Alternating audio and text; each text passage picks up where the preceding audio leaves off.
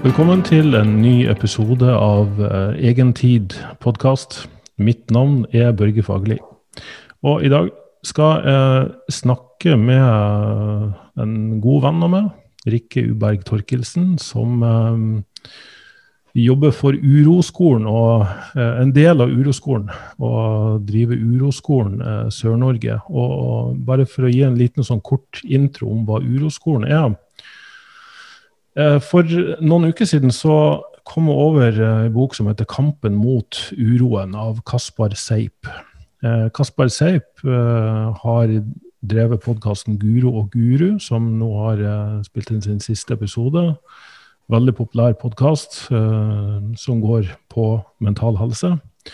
Og den boka syns jeg var veldig fin. Undertittelen er jo 'Menn ser på seg selv', men det kunne gjerne vært 'Kvinner ser på seg selv' også.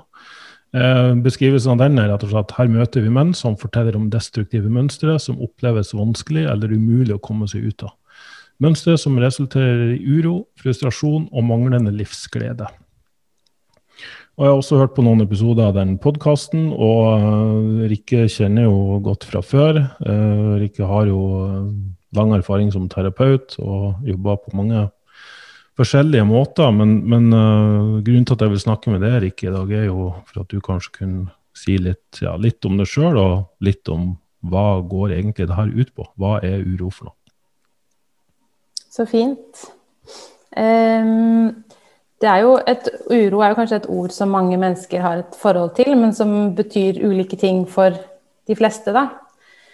Men sånn som jeg ser på det, så er det jo en sånn samlebetegnelse for for det som er ubehagelig. Mm. Det er noe som vi kjenner en fornemmelse av, gjerne i kroppen. Og det føles ikke godt. Ofte så kan vi kanskje kjenne det i brystet eller i magen. Ikke sant? Mange som kjenner det som en sånn pressende klump i magen, eller en sånn murstein i brystet. Eller noen ganger kanskje bare lett, en sånn lettere fornemmelse av ubehag, da. Men at du vet, noen ganger så kan man kanskje våkne opp og kjenne at det er noe. Mm det er noe i dag, eller det er noe nå som Hva er det her? Ja. Før det kommer noen tanker, så er det egentlig bare en følelse der. Ja.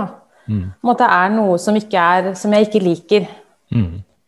Um, og så er det jo sånn at kanskje vi bruker veldig mye tid på å adressere Ja, men det er fordi at den sa sånn, eller det er fordi det er angst, eller det er depresjon, eller jeg er sint eller trist. Men men det vi jobber med ved uroskolen, det er jo mer å, å, adressere uroen i kroppen.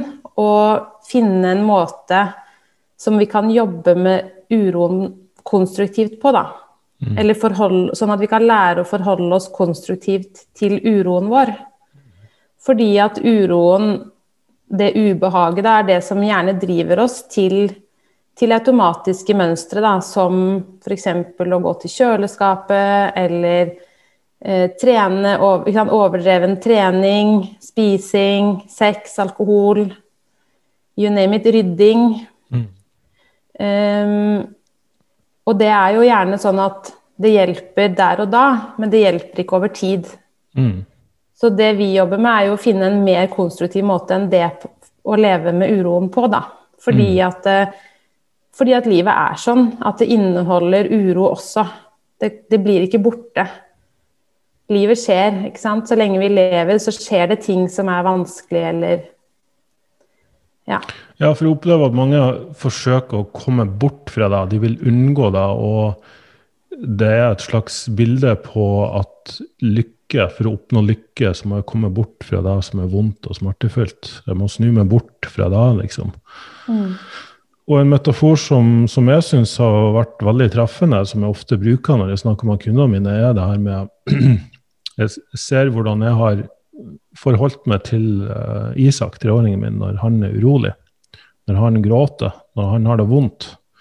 Så kjenner jeg at det gjør vondt inni meg, og da må jeg finne en måte å få han til å slutte å gråte på, og utvise den følelsen på. Og da kan være å kanskje sette på TV-en, eller komme med en godbit, eller uh, gjøre et eller annet, sånn at det får han til å slutte. Um, men jeg har jo oppdaga at da, og, det er også et mønster som jeg har fått med meg, at jeg skal forsøke å få bort min uro ved å få bort hans uro. Sant? At jeg prøver å få han til å slutte å gråte fordi jeg kjenner at det trigger noe i meg. da. Um, og, og, da ser jeg overføringsverdien til hvordan mange av oss forholder oss til når det er indre barnet i oss, da, for å si det på den måten, eh, gråter og har det vondt og vil ha oppmerksomhet så er det liksom OK, jeg ser på TV, jeg går på sosiale medier, eh, jeg tar med en matbit. Jeg forsøker å dempe og døyve og få det til å gå bort på den måten. Men min opplevelse har jo i stedet vært at hvis jeg heller bare setter meg ned med han, og så gir han omsorg, gir han kjærlighet, eh, bare klarer å sitte med han uten å forsøke å gjøre noe med det, så, så barnet er jo så fin på den måten at det går jo over med en gang. Det går veldig fort mhm. over. Mens de gangene jeg prøver å skal gjøre noe med det aktivt, så, så kan det gjerne bli verre. Eller ja, mulig det går bort, men det kommer ofte tilbake senere igjen. Så det er klart, man får jo, får jo ikke barn til å permanent slutte å gråte og ha det vondt, men jeg tror det er måten man møter i dette tilfellet det indre barnet i det på, um, som gjør at du du vil på sikt få det mye bedre. Det vil være et helt annet rom, det vil være et helt annet space, um, som er mye friere. Det er ikke anstrengt. Det er ikke noe som vi må unngå for all del skal skje, men det er mye mer en aksept for at dette er en naturlig del av hverdagen. Nettopp. Så fint. Mm. Og det er, jo, ja, det er, jo, veldig relatert til måten vi også forholder oss til vår uro på. Da. At antageligvis Jeg tror både at det er dypt menneskelig å ha uro, vi er mm. født med det, og at vi er tillært måte, strategier å komme vekk fra uroen på, da, sånn som du beskriver nå. Mm. Um, og det er jo som du sa, at, um, at, det er en sånn idé om at for å være lykkelig så skal jeg ikke ha uro. Mm. Men men min erfaring er i hvert fall at så, det, da kan Det går jo ikke. Nei. Fordi at uh, lykke kommer og går, det også. Akkurat som uro som kommer og går i oss. Og så er det jo gjerne sånn at disse, disse mm, strategiene vi bruker, blir sterkere og sterkere. Mm. Uh, og at, at, lidelsen blir gjerne større og større. Da. At det går kanskje fra at vi kjenner en del uro, eller litt uro, og finner en strategi som, som faktisk funker midlertidig, som å overspise eller mm. sant, Eller hva som helst. Ja. Eh, og så vokser uroen, og så vokser behovet for, for, å få den vekk. Og så kommer man jo da kanskje lenger som uh, opplevelser av angst eller en opplevelse av depresjon. Ikke sant? Det å bare være nedstemt, og alt er grått og trist og mm. Så det er jo veldig spennende da, å finne en mer konstruktiv måte å leve med uroen på. Og si ja, ja takk til å ha uro i livet. Fordi at å si nei ikke har noe for seg, da. Ja. Hadde det hatt noe for seg, så hadde det vært greit, men den er der. Så hvis vi, har, hvis vi kan se på den med nye øyne, mm. så vil den kanskje også få et annet grep over oss, da. Ja, eller ikke et grep, holdt jeg på å si. At Nettopp. den slipper grepet. Da slipper taket litt. Og det var litt interessant, for det, det var en artikkel her jeg leste det er noen år siden, men jeg fant den fram igjen. Uh, an equation that predicts happiness, altså en, en, formel som kan si hvor lykkelig du er. Uh, rett og slett en, en forskning. Uh, neuro, neuroscientist, jeg kommer ikke på det norske ordet. Eh, men det de sa her, er at lykke kommer faktisk ikke an på Det avhenger ikke av hvordan du har det, altså hvordan ting går i livet ditt. Eh, men det kommer an på hvorvidt ting går bedre eller verre enn du hadde forventa at de burde gjøre. Og da kommer vi jo litt inn på det her med den indre kritikeren og dommeren, den som hele tida skal dømme og vurdere hvor nært du er det optimale, eller det du hadde sett for deg hvordan livet skulle være. Eh, vil du si at det stemmer med din eh, oppfatning? Ja, det er jo da en, en eh, Det er en tanke, da. Om hvis vi, hvis vi skiller mellom tanker og følelser, For det er jo noe vi egentlig gjør ganske lite av. Eh, å, vi sier f.eks. at jeg eh, føler meg dum. Mm. Men ofte så er jo det en tanke, og det er en, en, sånn kritisk stemme som sier at du er så dum, du skjønner ingenting. Mm. Eh, men denne, denne, stemmen i hodet, eller denne Den sier jo også ofte noe om, noe, noe om hvordan livet burde være. Det burde ikke være sånn. Men, men det har jo ingenting med virkeligheten å gjøre. For virkeligheten er jo sånn som den er. Mm. Så jeg vil si at det er veldig, det er veldig relevant, da. Og veldig nyttig å se på det, fordi at hvordan ville det vært hvis vi ikke trodde på denne stemmen som sa noe om hvordan virkeligheten egentlig burde være? Mm. For den sier jo alltid at når vi har det vondt, så er virkeligheten feil. Nettopp. Men, og når vi har det godt, så er virkeligheten riktig. Så, men virkeligheten inneholder jo både godt og vondt. Ja. Så det ville jo vært veldig annerledes for oss hvis vi eller, og, det, og, det, er annerledes når vi kan se, se på virkeligheten på denne måten, da. Og minne oss selv på at ja, men den, det er jo ikke sånn. Et godt eksempel her på, på akkurat uh, den tematikken. Um, jeg hadde jo Jørgen Rasmussen på en tidligere podkast, og Jørgen har jo fungert som en uh, god venn og mentor for meg, og jeg har uh, jobba ut fra den modellen som han kaller psychological illusion model. Og den handler i stor grad om å lære oss å gjenkjenne tanke, tankemønster, og klare å skille tanker og virkelighet eh, innse at tankene, og som vi har en automatisk generator inni oss som bare serverer masse tanker, og så kan vi velge å flytte oppmerksomheten til virkelighet eller til tankene. da. Men at vi ofte glemmer at veldig mye av det hjernen gjør, det handler om tolkning av både virkelighet og tanker. da. Og, og like før vi satte på opptak her nå, så nevnte jeg en, um, en ung mann som jeg har hatt en par samtaler med, som sendte meg en mail der han var litt fortvila. Eh, for han, eh, som han sier her, har dessverre ikke klart å fått det til å fungere. Om han da mener han den metoden eller den forståelsen. Og Han sier da at han klarer ikke å stoppe og vurdere tankene mine. Eh, Sjøl om han vet han ikke kan styre tankene sine, da har han fått en innsikt på, så, så klarer han heller ikke å stoppe og vurdere tankene sine. Da blir det en vurdering av tankene om tankene. Så da blir en han har surra seg inn i et veldig sånn vondt mønster, som man sier her blir konstant værende i tenkende og vurderende modus. Skal jeg kjenne etter nå? Hvor urolig må jeg være for å kjenne etter? Er jeg nok urolig til å kjenne etter? Osv. Har jeg skjønt det riktig? Og som han sier etter hvert, at um, han har kommet inn i en ond sirkel der jo mer han jobber med å skille mellom tanker og virkelighet og følelser i dette tilfellet, da, så uh, blir det bare uh, verre og verre. Uh, og at han har en frykt for å miste kontroll på tankene, og hvordan han fungerer ved at han fokuserer på fokuserer å dømme og vurdere tankene sine hele tida. Så jeg tenkte kanskje vi kunne bruke den anledninga til, til, å snakke litt om hvordan hvordan kan vi få den unge mannen her til å ha det bedre i livet sitt?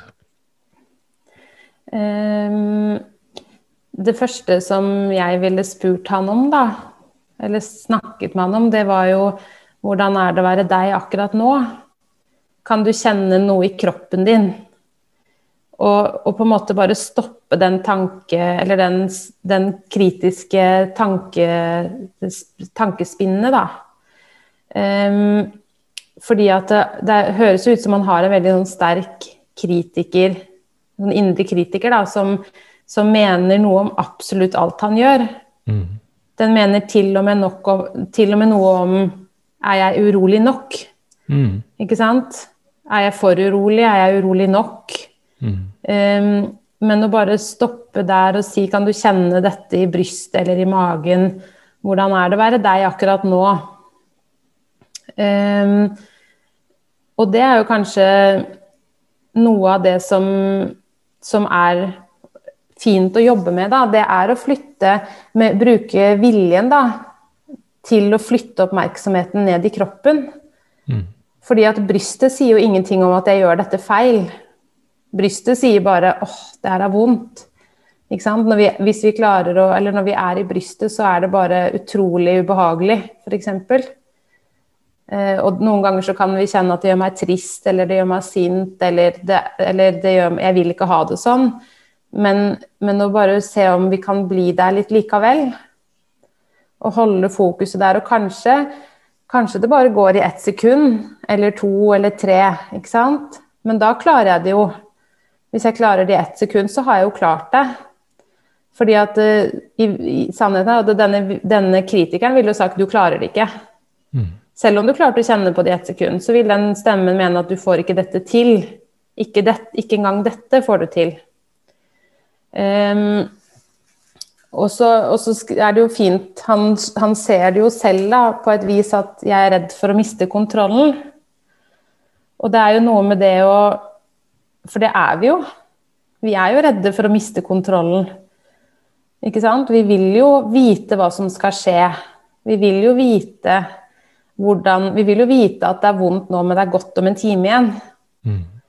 Ikke sant? Men det å, å, tørre å være sammen med den frykten, da, og den, og den uroen som sier noe om at jeg, jeg, jeg føler meg hjelpeløs, eller jeg føler meg liten, ikke sant. Jeg, jeg, jeg har ikke kontroll.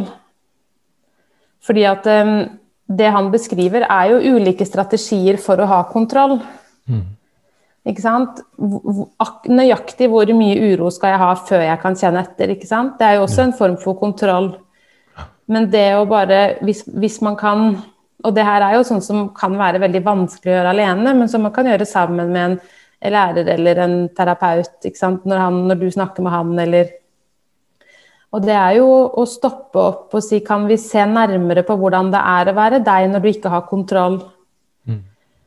Fordi at jo mer jo mer vi kan tørre å kjenne på hvordan det er å ikke ha kontroll, jo mindre skremmende blir det jo da å ikke ha kontroll. Mm. Og så er det jo noe med at eh, spørsmålet er jo syns du det funker, det du gjør nå? Og det er jo tydelig at svaret her er nei. At han syns ikke det funker selv om han forsøker å ha kontroll. Så syns han ikke det gir et tilfredsstillende resultat, da. Eh, så det er jo også, fordi det at vi har kontroll, er jo også bare en tanke. Vi har ikke kontroll på noen ting. Vi tror det, men vi vet jo ikke. Det kan hende du har glemt å trykke på record ikke sant? Så må vi begynne Oi, ja, på nytt, så hadde ikke du kontroll. måtte sjekke ja. mm. um, for, for her er jo da jeg ofte ser noe i den bransjen Min, min podkast har jo faktisk etter hvert kommet ganske høyt på innen mental fitness um, rangeringer på, på, iTunes, i hvert fall. Um, og jeg ser jo på hva de andre podkastene driver med, og, eller hva, hva, som snakkes om. Eh, og da ser jeg bort fra guru og guru. Men jeg, jeg opplever at mange mentaltrenere spesielt kanskje jobber mye med hvordan du skal tenke bedre. Sant? Hvis du trener deg opp til å tenke mer positivt og Sånn som den The Secret-bevegelsen som jo fremdeles eksisterer, at hvis du bare tenker og fokuserer på det positive i livet ditt, så vil du manifestere det. Da vil du oppnå det som du ønsker det. Da er det større sannsynlighet for at det skal skje positive ting hvis du tenker positivt. Men derimot, hvis du tenker negativt, da, da, da vil du falle ned, i en avgrunn, og da vil huset ditt brenne opp, og du vil krasje bilen din, osv. Så, så det her går jo veldig på tvers av den forståelsen. Og jeg vet jo at du har jobba på mange forskjellige måter, du også. Og vi har jo begge gått um, Soulspring-skoler hos Märtha Louise, der vi faktisk trener mye på å ta imot det som kommer, og stole og tillit til de tankene som kommer. Um, at det kan ha en betydning og en mening. Uh, at det kan være riktig og presist. Uh, og da ble et veldig langt spørsmål, føler jeg. Men um, summa summarum, med alt du har vært gjennom og opplevd og erfart og jobba med mennesker på ulike måter, hva er det som gjør at det her er verdt å jobbe mer med? Eh, så fint og langt spørsmål. ja. Se om du klarer å huske alt det sa. Hvis ikke så får du minne meg på det. Ja. Um, jeg blir veldig glad for at du sier det på den måten, da, fordi at det, eh, det er noe jeg tenker veldig mye på. Mm. Og, det, og det, å, uh, å, å, snakke om å tenke positivt er også noe som jeg eh, ofte snakker litt med, de, med mine elever om, f.eks. For eksempel, da, fordi at eh, det er så utrolig kjipt når livet gjør så vondt. Når noen kommer og sier 'du må tenke på alt det fine du har', Mm, Eller mm. ja, du må, tenke, du må, bare tenke, positivt. Ikke sant? Fordi at um, hadde det vært så enkelt, så hadde vi jo tenkt positivt. Og så hadde vi ikke hatt vondt. Mm. Så, um, så det, er, det, er, egentlig en sånn ting som jeg, som jeg liksom kjenner at det, det, trigger meg mer og mer, da. Eller sånn det, og interesserer meg mer og mer. Ja. Um, hvordan er det å være kanskje... deg nå, Rikke, når du kjenner på den irritasjonen? nå blir jeg veldig ivrig. ja, Så bra, for da kommer motivasjon. Ja, ja. Men, men jeg, jeg, kjenner jo på det at um, At når en sånn type innstilling da, er jo I hvert fall når, man, når, noen har det vondt og får en sånn kommentar. Det er mange jeg snakker med som får høre det. Du må bare ta deg sammen, eller tenk positivt, eller tenk på alt som er bra, eller ja. Eh, så gir jo det bare en bekreftelse på at jeg får det jo ikke til. Tenk hvis denne, denne mailen du leste om i stad, tenk hvis du skulle svart da bare tenk på det som er positivt. Så ville jo han følt at ok, det er ikke håp for meg. Mm. Så spørsmålet er jo hva skal jeg gjøre når jeg ikke klarer å tenke positivt? Um, og da, da, er det jo igjen tilbake til å se Til å på en måte kjenne etter i kroppen, da. Og tørre å være sammen med det som er vondt og vanskelig. Uh, og det samme gjelder jo for disse menneskene som kommer med sånne velmenende, positivtenkende råd. Så handler det jo kanskje også litt om at det er så ubehagelig når du, Børge, sier til meg at du har det så fryktelig vondt. Det er så ubehagelig for meg. Det er litt sånn som du snakka om i stad med sønnen din. Mm. At det er så mye lettere å si 'kom, så går vi og ser på den store traktoren' eller spiser en is. Mm. Men da blir han jo bare mer sint, for det er jo kjempeirriterende. For da, da han blir jo ikke tatt på alvor. Og de som har det vondt, føler seg ikke tatt på alvor, selv om det er et velmenende råd, da. Så, så, mitt liv har jo gått mer og mer i retning av å vekk fra positiv tenkning da, til å forholde meg til den virkeligheten jeg har. Og til å si at det er ikke alltid For jeg tror ikke vi har kontroll over Apropos kontroll. Jeg tror ikke vi har kontroll over tankene våre. Jeg tror ikke det er jeg som bestemmer at jeg skal tenke at jeg ikke har noen verdi. Ikke sant? Så, så der, derfor igjen er det nyttig å vende seg mot kroppen, da. Og se hvordan er det å være meg når jeg tror på at jeg ikke har noen verdi. Um, så, så, det er klart at det, det, kan sikkert funke hvis du, på en måte, hvis du er på topp. Hvis du er toppidrettsutøver og har troen på deg selv og er i god form, og da kan det sikkert funke å tenke at dette, jeg skal vinne gull. Mm. Ikke sant? Men når du har det vanskelig, da, så tror jeg ikke at det er en Jeg tror det også er en strategi, da. Og det var jo kanskje derfor både du og jeg begynte å gå den veien vi gikk. ikke sant? Det var jo på søken etter å få vekk uroen. Mm, ja. I hvert fall var det det for meg. Ja, jeg ville ha svar. Jeg ville vite. Mm, ja. Ville ikke ha det vondt lenger. Mm. I hvert fall sånn var det for meg, da. Og så har jeg lært underveis at Ok, men å ha det vondt det er også noe som kommer og går hele tiden. Men det er lettere, selv om det ikke gjør noe mindre vondt, så er det på et vis Når det ikke er imot å ha det vondt, så er det på et vis lettere likevel, da. Ja, og så har, har, mye av min prosess også gått ut på å gjenkjenne hva er det jeg gjør for å håndtere da når jeg har den uroen eller kjenner det ubehaget inni meg. Når jeg opplever en følelse av å ikke vite spesielt, og ikke ha kontroll. Og da kan jeg begynne å lese enda en bok om kosthold.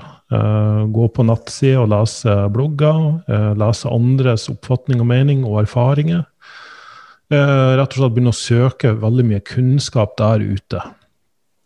Um, bøker på bøker og podkaster og, og, alt mulig sånt. Um, men så har min erfaring også vært at um, og, og, og, det er en prosess jeg har, har observert i, i, folk som har blitt veldig gode på ting. Det er at de bare har hatt en lidenskap, en nysgjerrighet, for å finne ut av noe eller å gjøre noe. Og så har de kanskje med en kombinasjon av talent og bare dedikert uh, trening på det, blitt veldig gode i det.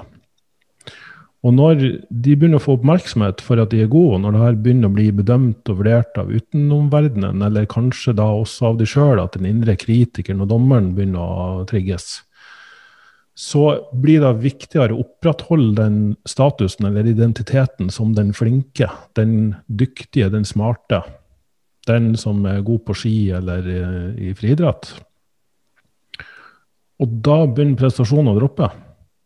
For eh, der de tidligere hadde, var i sånn flytsone, når de gjorde den tingen de, de elska og de hadde lidenskap for, og som de da tilfeldigvis nok var gode på, eh, så var det et fravær av tanker og, og, følelser. Det kan være korte blaff av nedturer og oppturer, men de var bare fullstendig til stede i akkurat det de gjorde.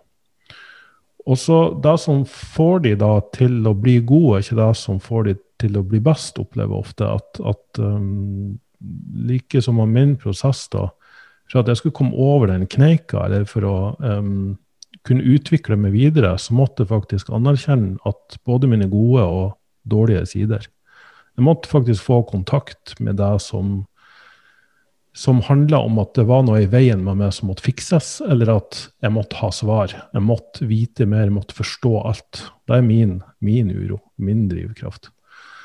Eh, og det jeg da opplevde, var at jeg fikk mye mer kontakt med kall det en indre visdom, eller at, uh, en indre intuisjon. Jeg fikk mye mer kontakt i den flytsonen der det spontant og naturlig kunne komme ideer, tanker, motivasjon, inspirasjon. Um, og, og det ble en liten sånn Kall det en identitetskrise, fordi jeg har lært i så mange år at for å oppnå noe, så må jeg jobbe hardt for det. Jeg må ha fokus, jeg må bruke mye disiplin og viljestyrke. Til å da komme til det punktet at ok, men hvis jeg på en måte sitter litt rolig i båten, da, eh, eller lar være å røre det grumsete vannet sånn at det blir klart, så kommer det spontant og naturlig fram. Det kommer så med letthet. De ressursene som gjør at jeg får tilgang på så mye større forståelse og kunnskap og visdom. Så, så da å ta mennesker Jeg har jo vært så heldig da å få, få jobbe med, både med mennesker som har gått fra å bare være gode nå, til å bli verdensmester og altså nasjonal og internasjonal mester i noe. Og da oppleve at det oppstår et lite sånn vakuum når den konkurransen er over. Eh, og når det blir mye oppmerksomhet rundt prestasjon og da være god for å kunne hjelpe dem tilbake til egentlig den tilstanden de hadde i utgangspunktet, som var ro, flyt, fokus, tilstedeværelse. Eh, så, så, det er nok der at jeg fremdeles er i prosess. da. Det går litt i sirkel for meg. Jeg kan veksle mellom uro, eh, usikkerhet rundt kan jeg egentlig noen ting som helst. Er det bare tullprat jeg sitter og snakker om? Til å bare være fullstendig connecta med virkeligheten og den personen som er foran meg, og da kunne eh, gi de eh, perspektiver som, som, gir de igjen å ha opplevelser, og, og får de til å forflytte seg over i det, det rommet der man egentlig bare er har det, har det bra, er tilfreds. Um, så, så det, hva skal man si? Jeg husker ikke engang hvorfor jeg begynte på denne historien, men, men um, jeg har, ja, at jeg har lært meg å gjenkjenne hvilke mønster som, som aktiveres i meg når jeg egentlig har det ubehagelig inni meg. Mm. Og da vet jeg at ok, når jeg begynner med det her og skal begynne å lese mye og, og bli veldig sånn manisk rundt og finne ut av ting, da er det mye bedre å snu meg mot det som er ubehagelig inni meg, den følelsen av å ikke vite og ikke ha kontroll, og vente til den har dampa seg for den vil rose av seg sjøl. Det er magisk nok. Så går den over når, når jeg gir den kjærlighet, som det lille barnet mitt eh, også kan gjøre. Og da får jeg plutselig tilgang på mye mer forståelse. Nettopp. Mm. Så gjennom å romme uroen din, da, så kommer du i kontakt med dine ressurser. Riktig. Mm. Kort, kort og, og brutalt. Jo, kort, jeg kunne ha sagt det i stedet for ja. å snakke, snakke ti minutter i strekk Men det er jo veldig fint, og det er jo kanskje det som ofte er at etter hvert som, som man jobber med f.eks. å jobbe med, bli kjent med uroen sin, da, så begynner man etter hvert å, å lære seg ok, hva er mine strategier.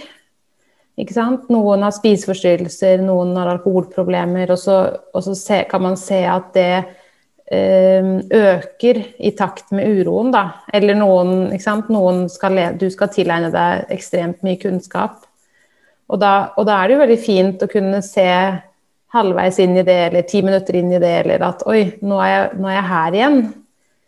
Skal jeg ta og sjekke inn i kroppen min hvordan det er der akkurat nå?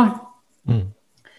Og så er det jo også noe med å, å, kanskje Noen ganger så tenker jeg at det er fint å ha litt humor på det.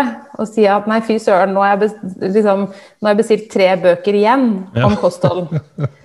Ikke sant? Og så kunne, kunne, le av det, og så kunne si ok, stemmer, kanskje det er noe jeg skal stoppe litt. Mm. Fordi at det er fort gjort å, å dømme oss selv for, for, mønstrene våre også, og de er jo helt automatiske, og vi har ingen kontroll over de.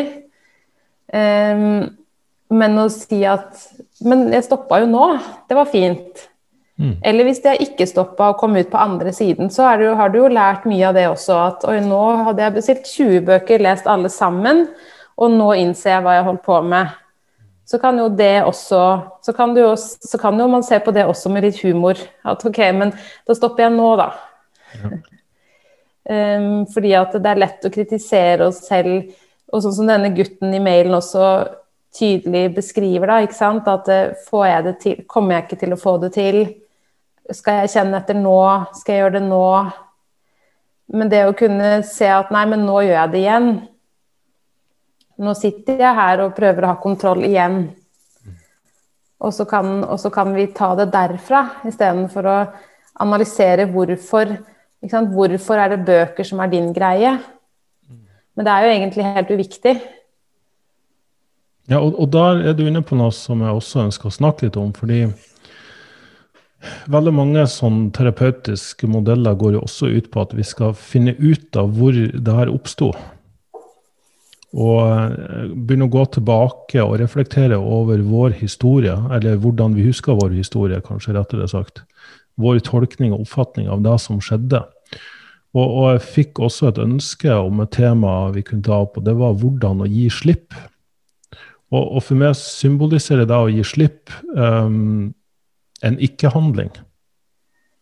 Mens det sannsynligvis for denne personen handler om hva kan jeg gjøre for å slippe taket i uh, om de går og bærer på bitterhet over noe, noe som har skjedd med det. Og, og, og jeg også kjenner meg sjøl litt igjen i det at jeg har jo både gjort ting med andre og blitt utsatt for ting fra andre, urettferdighet og, og vonde opplevelser der jeg har gått og tenkt på det i mange år etterpå, at det kan faktisk fungere som et stressmoment for meg i dag.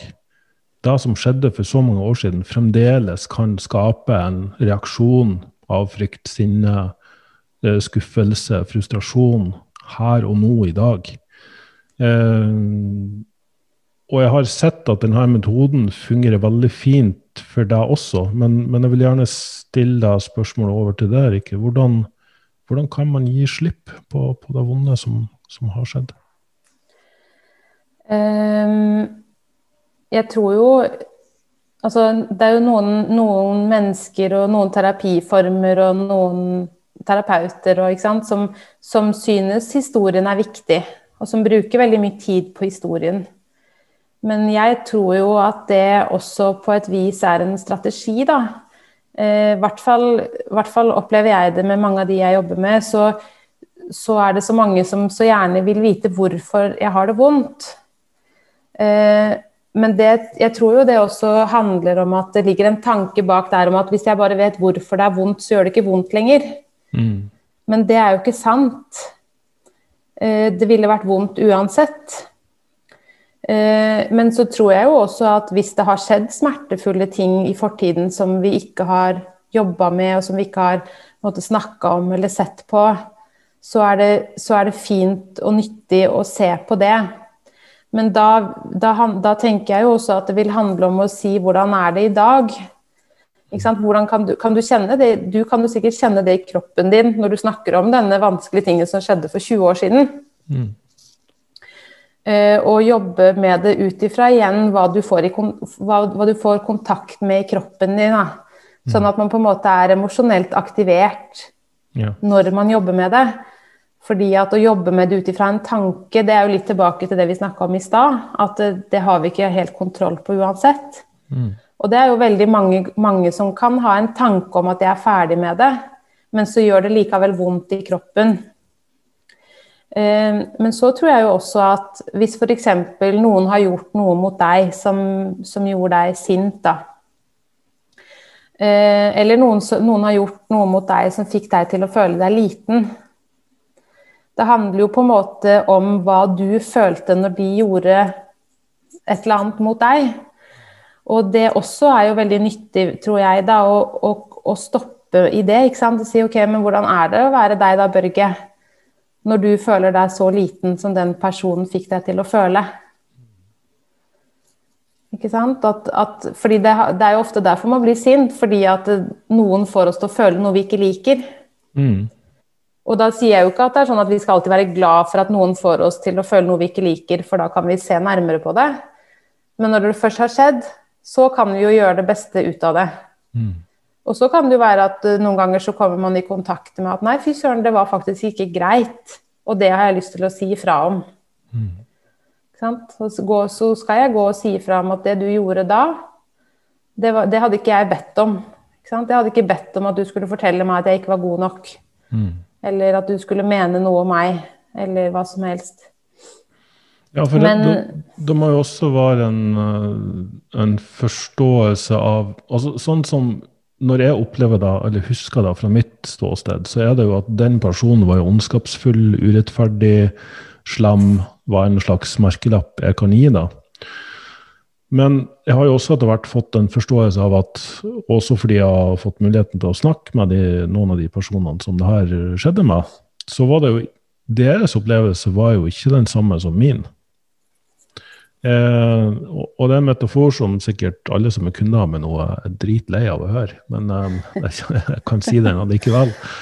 Og det at hvis jeg og du står og ser på et fargerikt maleri, og så skal jeg forklare det, da, maleriet. Alle motivene og fargesamspillet og hvordan det her uh, oppleves for meg. Og så er du fargeblind. Du har sikkert sett de testene da, for fargeblindhet, det er liksom sånne små bobler i forskjellige sånn diffuse, duse farger, og så er det et tall inni der. Og de som da er fargeblind, klarer ikke å se det tallet, fordi det går egentlig i ett med resten. Eh, og da er det jo kanskje veldig egoistisk av meg å bli sint på det, fordi du er fargeblind, eller fordi du ikke ser det samme som jeg gjør. Du har ikke den opplevelsen av det her fargerike maleriet som jeg har. For det så er det bare flatt. Du ser bare en, en Altså, du ser én farge, du, mens jeg ser fem. Um, og på samme måte kan vi kanskje begynne å forholde oss til en, For meg har det vært en fin måte å gi slipp på. Uh, hvis jeg kan forestille meg, eller faktisk ta innover meg muligheten for at det mennesket som gjorde det her mot meg, i deres hode, i deres kontekst, i deres opplevelse, i deres fargeblindhet, om du vil, så var det her en helt riktig måte å gå fram på. Det, I deres hode så var det her deres måte å reagere på, gitt konteksten, og at det kanskje på mange måter ikke engang handla om meg. Jeg var bare til stede når det her ble sagt eller gjort. Um, og helt konkret eksempel er jo da min pappa og hvordan vår relasjon var, som overhodet ikke var spesielt bra. Men der jeg kanskje har brukt veldig mange år på å snakke om hva han har gjort, og kanskje være sint og bitter på det, så har min måte å gi slipp på det på, det har vært å få en forståelse av ok, hvordan var det å være pappa? Hvordan var det å være han i møte med meg når alt foregikk på innsida hans, og han måtte ty til alkohol for å håndtere det, og, og det ga seg utslag liksom, i sinne og, og vold. da. Eh, og, og, det har på mange måter vært en måte å gi slipp på det tauet, som jeg ser for meg at vi står og holder i hver vår ende av et tau, og så slipper jeg taket. Da har ikke han den dra, det draget på meg lenger. Um, så, så, jeg vet ikke, hva syns du om den strategien? Har du noe erfaring med det? Um, nå har jeg hatt veldig mange ulike tanker mens du har snakka. Ja, prøv å få tak på noen av de. Så skal ikke avbryte meg. Um, først, eller En av tankene mine var jo at den personen som står og snakker om fargene eh, Hvis han ble sint på den som var fargeblind, så er det jo også på en måte hans, hans reaktive mønster. da, ikke sant? At det er hans strategi, det er å bli sint. Men jeg tror at den som, den som da ikke så fargene, hvis han eller hun opplevde det som vanskelig, så tror jeg ikke det vil være nok å bare forstå at den andre ikke mente det var vondt. Jeg tror det vil være flere det vil, ha, det vil, være veldig nyttig også å si ok, men hvordan var det for deg mm. når han ble så sint? Ikke sant? Um, så det kan jo ofte være en sånn fin tilleggsinformasjon, det å vite hvordan det egentlig var ment. Men det er jo veldig sjelden Jeg kjenner jo veldig få mennesker som er ondskapsfulle, som gjør ting for å være slemme. Mm. Jeg vet om mange som gjør ting som oppleves slemme, men det er jo ikke gjort fra et sted og et ønske om å være slem. Så det handler jo veldig ofte om den, den som står på andre siden og tar imot, og som får en opplevelse av å føle seg sant, eh, liten eller uh, uviktig eller hjelpeløs eller mm. Så, så jeg, jeg, tror det, det, er en viktig bearbeidelse, da, det å, å, gå inn og kjenne på hvordan det var for meg. Mm. Uavhengig av hvordan det egentlig var ment. Ja. Um, og så når du snakker om da faren din, så, så vet jo jeg at din reise har også vært gjennom mange fysiske lag av smerte i, i brystet og i magen og Ikke sant? At det har jo ikke bare vært at du forsto at han ikke mente det vondt, og så var det greit. Det har jo vært en reise i å på en måte tørre å kjenne på, for du sa i stad hvordan det var å være pappa. Men mm. du har jo vært inne i en reise som har også vært hvordan det var å være Børge mm. med en sånn pappa. Sant. Uh, og jeg tror det å kunne se hvordan det var å være pappa, det vil jeg tro da, at det kommer i ettertid. Når du har, når du har funnet fred med hvordan, hvor vanskelig det var å være Børge. Mm. Så kan man begynne å se på det med, med på en måte et bredere perspektiv og, og, få en forståelse for at pappa var jo bare i sitt mønster. Mm. Men, men, jeg tror på en måte at veien har jo ikke vært rett til å forstå hvordan det var å være pappa. Den har jo vært gjennom hvor, hvor utrolig vondt det var å være Børge. Ja, nettopp. Og, og, det er vel kanskje Ja, det er veldig fint at du sier det, for, for det stemmer jo. Eh, absolutt. Jeg har jo kanskje følt at jeg har brukt veldig mye tid på hvordan det har vært å være meg. Eh, og dermed har jeg også lært meg jeg har lært meg så mye om mi, mine egne reaksjonsmønster og mine egne følelser og tanker at um, jeg har etter hvert også begynt å forstå at det er jo min virkelighet, min oppfatning, mine reaksjonsmønster. Men jeg kan ikke gå rundt og forvente at alle andre har det på nøyaktig samme måte. Og da har jeg fått en dypere respekt for andre menneskers, og selvfølgelig også fordi jeg har vært så heldig å jobbe med så mange mennesker med ulike historier der noen har hatt en fantastisk barndom, men endt opp med å ha det forferdelig i voksen alder. Og noen har hatt en forferdelig barndom, men er verdens mest positive, inspirerende, eh, veljusterte mennesker, liksom. At vi er ikke nødvendigvis et produkt av historien vår, da. Um, det, det, er én forståelse i det, men også det at ved å, å, å, begynne å kanskje slutte å bruke merkelapper sånn slem og ondskapsfull, som, som du sa, eh, at, at det mennesket mente, gjorde jo ikke det i, med den um, intensjonen av å være slem. Men det skjedde noe i det mennesket, i dette tilfellet min pappa, da, men, men, uavhengig av hvem det hadde vært, som var riktig for de akkurat der og da. Det var deres reaksjon på, på hvordan de hadde det. Og, og, da har jeg, siden det da ikke handla like mye om meg lenger, så, så, har det vært en måte for meg å, eh, å, å slippe litt taket da, i, i den, i den koblinga, i den korden, om du vil bruke litt sånn Soulspring-uttrykk. Ja. Og det, det, tror jeg jo er en utrolig nyttig vei å gå, da. Det å se at eh, det kunne vært meg som mm. gjorde mm. det.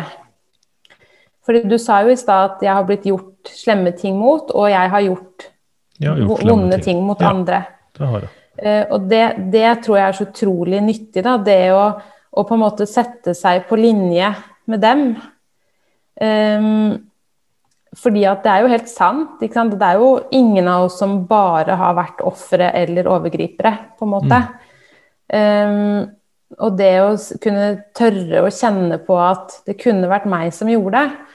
Og det handler for, igjen ikke om å ikke si at det ikke var vanskelig og vondt, men å tørre å kjenne på at det kunne vært motsatt. Mm. Eh, fordi at det, så lenge så lenge vi går og sier at du er slem og du er ikke slem, så, så rangerer vi jo også hvem som er gode og dårlige mennesker. Men, men, det å forstå at det er også noe som kommer og går i oss. Ikke sant? Og som du sa, at når, når noen gjør noe som oppleves vondt for andre, så er det jo aldri med en dårlig intensjon. Mm. Eh, til og med de som dreper, mener jo ofte at de har rett til det. Ja. Der og da. Eh, ikke sant? Så, så, det tror jeg er utrolig nyttig, da. Det å kunne si at ok, men hvis det var jeg som hadde hatt min fars oppvekst, kanskje, hadde vært, kanskje jeg hadde vært som han. Mm. Uh, eller kanskje også, ikke. Ja, ja, eller, ja for, for, jeg har jo ofte Når jeg ble pappa, så oppstod det jo en liten frykt i meg for at jeg skulle bli som min pappa. Og da, brukte, da var det fryktelig mange prosjekter på gang for å være sikker på, ha kontroll over at jeg ikke ble som han. Skjønner du? Mm. Og det, eh, det opplevde jeg som bare virka mot sin hensikt. Det var nesten så det skapte enda mer uro og bekymring, og, og trigga faktisk eh, mye sinne. Jeg kunne få sånn, sånn voldsomme sinneutbrudd fordi da jeg følte at jeg ikke hadde kontroll over verken følelser eller og nei, der var jeg Da, var, da minner meg om min pappa. Eh, og, og, nå kan jeg sitte her og oppleve at jeg har så mye mer tålmodighet og har så mye mer tilgang på um, ja, Kall det tilgang på ro, kanskje, inni meg sjøl. Nettopp fordi jeg har, jeg har heller snudd meg mot det som gjør meg bekymra og urolig.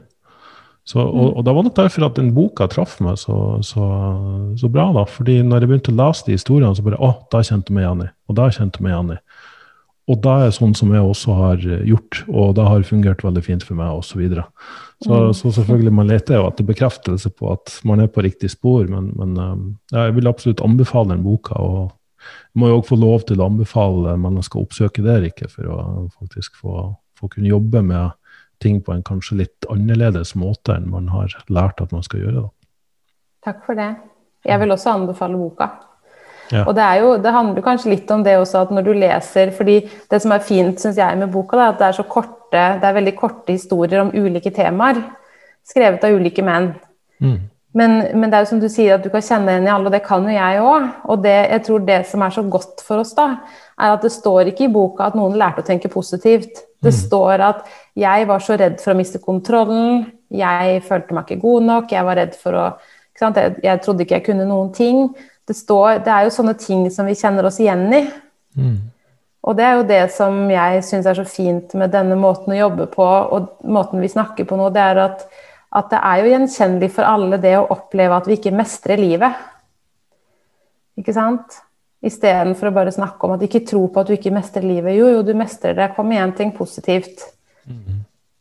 Men det er jo veldig godt å vite at jeg er ikke alene om denne opplevelsen. Det er jo det man Det er det i hvert fall den boka er så fin på, da. At det er uh, ulike måter å fortelle om det samme på. Jeg har også vært innom temaet selvtillit med både Jakob eh, Løvstad, som er god venn av oss begge to, og, og Jørgen. Eh, og, og fortalt litt om min opplevelse av å gå fra å ha dårlig selvtillit, der det kun handla om dårlige tanker om meg sjøl, at jeg ikke var god nok og bra nok, um, til å nå kunne si at jeg har god sjøltillit, men jeg opplever at det fortoner seg på en måte der ikke tenker så mye på hva som foregår på innsida mi lenger. At det mm. heller, jeg har, jeg har, evnen til å ha fokuset der ute. Jeg har en form for tillit, eh, igjen da selvtillit, til at inni meg bor det ressurser som kommer ut når de trengs. Fordi jeg er heller til stede der ute med et annet menneske eller det som foregår foran meg. Ja, så fint. Og det også er jo sånn som kommer og går i oss. Mm. Ikke sant? Hvis jeg skal gjøre noe helt nytt, så er jo selvtilliten lavere kanskje enn hvis jeg skal gjøre noe jeg vet jeg kan. Hvis jeg skal lage meg kaffe, jeg vet jeg kan det. Da tenker mm. jeg det her det kommer til å gå bra. Ja. Mens hvis jeg skal liksom sette opp en, eh, en, datamaskin og koble til masse forskjellige ting, og da er ikke selvtilliten min like god. Mm. Ikke sant? Men, så det også er jo fint, for det er også sånn tanke vi har om at, at, jeg har god eller dårlig selvtillit. Men at det også kommer og går da, i meg. Men selvfølgelig så er det jo fint da, og godt, som du beskriver, når du har en grunnleggende opplevelse av at du har verdi. Da. Det er jo kanskje det det handler om. At jeg tror at jeg har verdi, selv om jeg ikke klarer å sette opp den PC-en med alle disse kablene. Ja. Så vet jeg at jeg har verdi. Ja, og at um, Det jeg ikke kan, det kan jeg finne ut av. Det kan jeg lære meg. Um, at uh, jeg er ikke statisk fastlåst. Sant? Jeg er i prosess, jeg er i vekst, jeg er på reise. Jeg er på vei mot et eller annet. Og, og der adresserer jeg kanskje det siste punktet jeg vil ta opp, at mange tror at hvis de bare begynner å akseptere alt i seg sjøl, og føler på uro og um, anerkjenner at de har gode og dårlige sider, så vil de miste motivasjon. Da vil de slutte å gjøre ting. Fordi hvis, hvis du begynner å I stedet for å tenke at det er noe i veien med det, for da vil du gå inn i masse forskjellige endringsprosjekter, og det kan jo føre til veldig nyttige utfall da. Eh, hvis jeg slutter med det, da vil si hvis jeg bare ja, men jeg er bra nok akkurat sånn som jeg er, så vil jeg slutte å ha ambisjoner. Da vil jeg slutte å ha mål. Da vil jeg slutte å forsøke å bli bedre på noe. Hva, hva mener du om det? Um, men hva er poenget med dette målet? Hva, hva, hvor, hvorfor er det viktig for meg å ha et mål? Um, det, det, er, det, er, jo kanskje noe når man gir slipp på tanken om at jeg må ha et mål, da, så, så man, lever man kanskje mer her og nå. For det å ha mål er jo veldig ofte i fremtiden. Og så setter det oss jo kontakt med hvis vi ikke når målet vårt, så er, er vi jo mislykka. Mm. Men kom, når du begynte å si det, så kom jeg til å tenke på um, meg selv som er som, som Eller jeg, jeg Nå ble det mye greier her. Jeg liker godt å løpe. Ja. Og så um, brukte jeg denne Strava-appen til, til, å liksom Hvor langt jeg løp, hvor fort og ikke sant? Og så i, i, starten så opplevde jeg det som motivasjon. At jeg så at jeg løp fortere enn sist. Men etter hvert så ble jeg jo helt opphengt i at jeg, ikke sant? Jeg, Hvis jeg var løpt til en topp, så liksom kunne jeg ikke stoppe selv om det var fin utsikt, for da gikk jo gjennomsnittstiden min på Strava ned. Mm, eller opp. Ja. Og så plutselig en dag og så, og, så, og så, kjente jeg at det begynte å gå utover løpegleden min. Jeg kjente at det, det var et press når jeg mm. satte på Strava og begynte å løpe. Og så tenkte jeg at fader, jeg liker jo å løpe, så jeg vil jo ikke miste den gleden. Så, og så bestemte jeg meg for å dra på en løpetur uten å sette på Strava. Og jeg løp en lengre runde enn jeg hadde tenkt til, for jeg bare hadde det så fint underveis. Og jeg kom hjem, og jeg var altså så glad. Mm. Jeg var så utrolig, utrolig tilfreds, da, fordi at jeg hadde gjort det på min måte. Uten dette presset om fordi det presset handler jo bare om å prestere. For meg var det bare det. Ikke sant? Og så kunne vennene mine på Strava se hvor fort jeg hadde løpt i dag. Mm. Ikke sant? Og så blir det et sånt press som mange kjenner på i, i ulik grad i samfunnet vårt generelt. da. Og det å på en måte fjerne den forventningen om at jeg skal løpe en mil så og så fort, men å bare si at jeg løper så lenge det føles godt. Og så løper jeg hjem når det ikke føles godt lenger. Så selvfølgelig, man blir sliten og alt det her, men, men det skal være gledesprega, da. Og det er jo et sånt liv jeg vil leve med løpingen. At det, at det gjør meg godt og gir meg noe positivt, og at jeg kommer hjem og er glad. Ikke at jeg kommer hjem og ser på Strava at åh, ett minutt saktere enn sist. Det var ja. en mislykka tur. For det ble nesten sånn. Ja. Det var bra ja, Hette ja. så på hvor fort jeg hadde løpt. Ja. Nettopp. Jeg følte meg bra, men resultatet var ikke godt nok. Mm. Så, eh, så, det kan jo være et resultat, da, når man fjerner målet og er mm. til stede i nuet. Da føler vi har kommet rundt i der vi starta med liksom, min opplevelse med idrettsutøvere og min egen prosess. Eh, akkurat presis det du sier der. Fordi da er opplevelsen jeg sitter igjen med, at jeg har kanskje ikke de store, hårete målene lenger, men jeg trener med glede, jeg spiser med glede. altså Eller ikke sånn glede, det er ikke sånn jeg løper rundt uh, naken og hyler, liksom, at livet er fantastisk. Men det er så mye mer um, ja, at man faktisk føler seg mye bedre i alt man foretar seg. Og jeg har overhodet ikke slutta å trene og spise sunt eller å, å jobbe aktivt mot uh, Jeg vil ikke engang si mot ulike ting, fordi det er ikke det heller. Men jeg, jeg fortsetter å jobbe. Men det er en helt annen energi i det. Og til og med samboeren min sier det. At ja, du går inn på det rommet der, og så har du samtaler, og og så gjør du jobb, og så kommer du ut, og så er du like blid igjen. Altså, før så kom du ut, og så var du kjempesliten og måtte ligge ut, liksom flatt ut på sofaen fordi, ja, fordi jeg tenkte over alt som uh, jeg, jeg, fremdeles ikke hadde oppnådd, og dømte og vurderte alt jeg hadde gjort. I, var det bra nok? Var det, sant, var, var det, det utfallet jeg hadde forventa?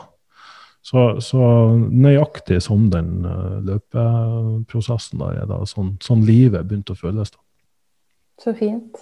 Mm. Og det er kanskje det å tørre tørre å kjenne på at kanskje Ja, det var, det var som det var. Mm. Og så var det bra nok fordi det var sånn det var. Nettopp. Mm. Nei, jeg føler vi kanskje skal avslutte der. Eh, det, det, var en veldig fin oppsummering og, og konklusjon av det her. Og jeg vil oppfordre alle der ute til å, til å forsøke å jobbe mer med denne modellen, den forståelsen, og se hva som skjer, om ikke annet. Uten noen forventninger, kanskje, hadde vært, vært lurt. Og så gjerne ta og kontakte Rikke, og hvor, hvor kan uh, folk finne, finne det, Rikke? Da kan de finne meg på rikkeuberg.no. Eller på Facebook og Instagram. Uroskolen Sør-Norge. Ja. Så skal jeg linke til deg i episodebeskrivelsen. Da sier jeg tusen takk, eh, Rikke, for at du var med. Utrolig hyggelig å både se deg og snakke med deg igjen. Eh, så håper jeg vi møtes eh, snart. Takk det samme. Takk for meg.